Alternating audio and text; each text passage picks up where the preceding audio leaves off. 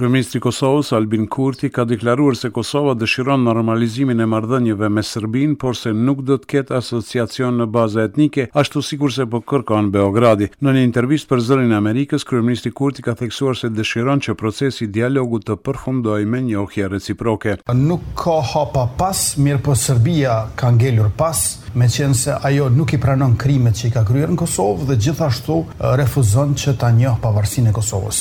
Presidenti amerikan Biden e ka formuluar shumë mirë çështjen, ka thënë që duhet të kemi normalizim të plotë përmes një marrëveshje ligjërisht të obligueshme, e cila në qendër të saj e ka njohjen reciproke. Unë jam i gatshëm për njohje reciproke, Serbia nuk është. Asociacioni i Komunave me Shumicë Serbe nuk e ka kaluar testin e Gjykatës Kushtetuese në Kosovë. Ajo ka konstatuar që njëzet e tri nene të Kushtetutës praktikisht shkilen dhe mund të ketë asociacion të komunave, po jo mbi baza etnike. Presidenti i Malit të Zi, Milo Gjukanoviq qëndroi të mërkurën në Kosovë, ku është pritur me nderime të larta nga presidentja e vendit, Vjosa Osmani. Pas takimit që patën, Gjukanoviq e Osmani mbajtën konferencë për medie. Aty Gjukanoviq tha se Mali i Zi përkrah Kosovën për anëtarësim në Këshillin e Evropës dhe në organizata tjera ndërkombëtare. I pari i Malit të Zi foli edhe për çështjen e demarkacionit të kufirit Kosovë-Mali i Zi. Ai tha se është verifikuar marrëveshja për kufirin në të dy parlamentet tona dhe problem për këtë çështje mund të krijojnë vetëm ata që e shohin si problematike.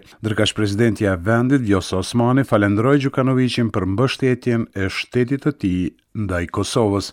Pozitë dhe opozitë janë përplasur gjatë seancës parlamentare derisa po diskutohej për çështjen e sigurisë në vend. Fondi për siguri e ka ndezur edhe më shumë debatin. Shefi i grupit parlamentar të PDK-s, Gjatë seancës e kritikoi qeverinë Kurti për jotransparencë dhe dështim me fondin që ishte formuar për të mbledhur para për financimin e Ushtrisë së Kosovës. Tahiri vuri bast se nëse janë mbledhur mbi dy milionë euro në Fondin e Sigurisë, ai do ta dorëzonte mandatin e deputetit. Unë jam i bindur, edhe nëse s'del kështu, unë po vë bast dhe po e lo mandatin e deputetit. Nëse kanë kalu mi dy milion euro, nëse jënë dhonë mi dy milion euro, në fondin e sigurisë, deri sot, kur po flasëm, deri në këto momente, unë e lo mandatin e deputetit. I menjëhershëm ka qenë reagimi i ministrit të Financave, Hekuran Murati, i cili i është përgjigjur deputetit të PDK-së Abelard Tahiri. Murati e ka ftuar Tahirin që ta mbajë fjalën dhe ta dorëzojë dorëheqjen që pasi sipas tij shifra prej dy milionë eurosh është arritur tashmë.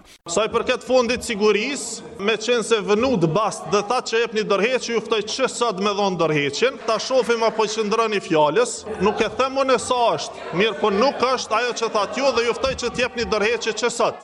Ish drejtuesit e Organizatës së Veteranëve të Luftës së Ushtrisë Çlirimtare të Kosovës, Hysni Gucati e Nasim Haradinaj janë dënuar me nga katër vjet e gjysmë burgim nga Gjykata Speciale. Gucati e Haradinaj u dënuan për publikimin e dokumenteve të Speciales. Dokumentet ishin sjellë nga persona të panjohur në zyrat e Organizatës së Veteranëve të Luftës së UÇK-së gjatë vitit dy mijë e njëzet. Në dënim, do t'u përllogaritet koha e kaluar në paraburgim nga shtatori i vitit dy mijë e njëzet. Dënimi i Hysni Gucatit e Nasim Haradinajt nga Gjykata Speciale ka nxitur reagime të shumta në Kosovë. Faton Klinaku, që drejton Organizatën e Veteranëve të Luftës së UÇK-së, madje nuk i ka përjashtuar as protestat. Ai ka thënë se Gjykata Speciale është politike, ndërsa ka theksuar se do të diskutojnë për protestat e mundshme. E kemi prit ksi vendim për shkak se neve Gjykatën Speciale e kemi konsideru që është gjykatë politike, është gjykatë e njëanshme e cila nuk merret me krimet e luftës, por merret me ndjekje ndaj shqiptarëve. Që në momentin kur ka ndodh ajo ngjarje, prokuroria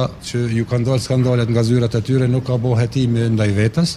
Nuk ka bo hetime ma as këtu se kush i ka sjellë dhe kemi prit po ashtu që kryegjyqtari apo gjyqtari kryesor në procesin gjyqësor ndaj tyre është Charles Smith, është një gjyqtar i skandaleve që ka punu në Eulex. Mijëra punëtorë të sektorit publik protestuan sot në Prishtinë. Ata të tubuar para ndërtesës së qeverisë kërkuan njëqind euro shtesë çdo muaj deri në miratimin e ligjit të tyre të pagave. Kryetari i Bashkimit të Sindikatave të Pavarura të Kosovës, Atdhe Hykolli. Ne të punësuarit presim vëmendjen e tyre, presim punë e veprime dhe presim përmbushjen e premtimeve për të cilat i kemi zgjedhur. Mos na shpërfillni dhe hapnani derën e dialogut social, ju premtoj fuqishëm se nuk do të tërhiqemi nga kërkesat tona të. Ndërsa kryetari i Sindikatës së Arsimit, Rrahman Jasharaj, kritikoi udhëheqësit e shtetit për mospërfillje të kërkesave të tyre derisa paralajmëroi veprime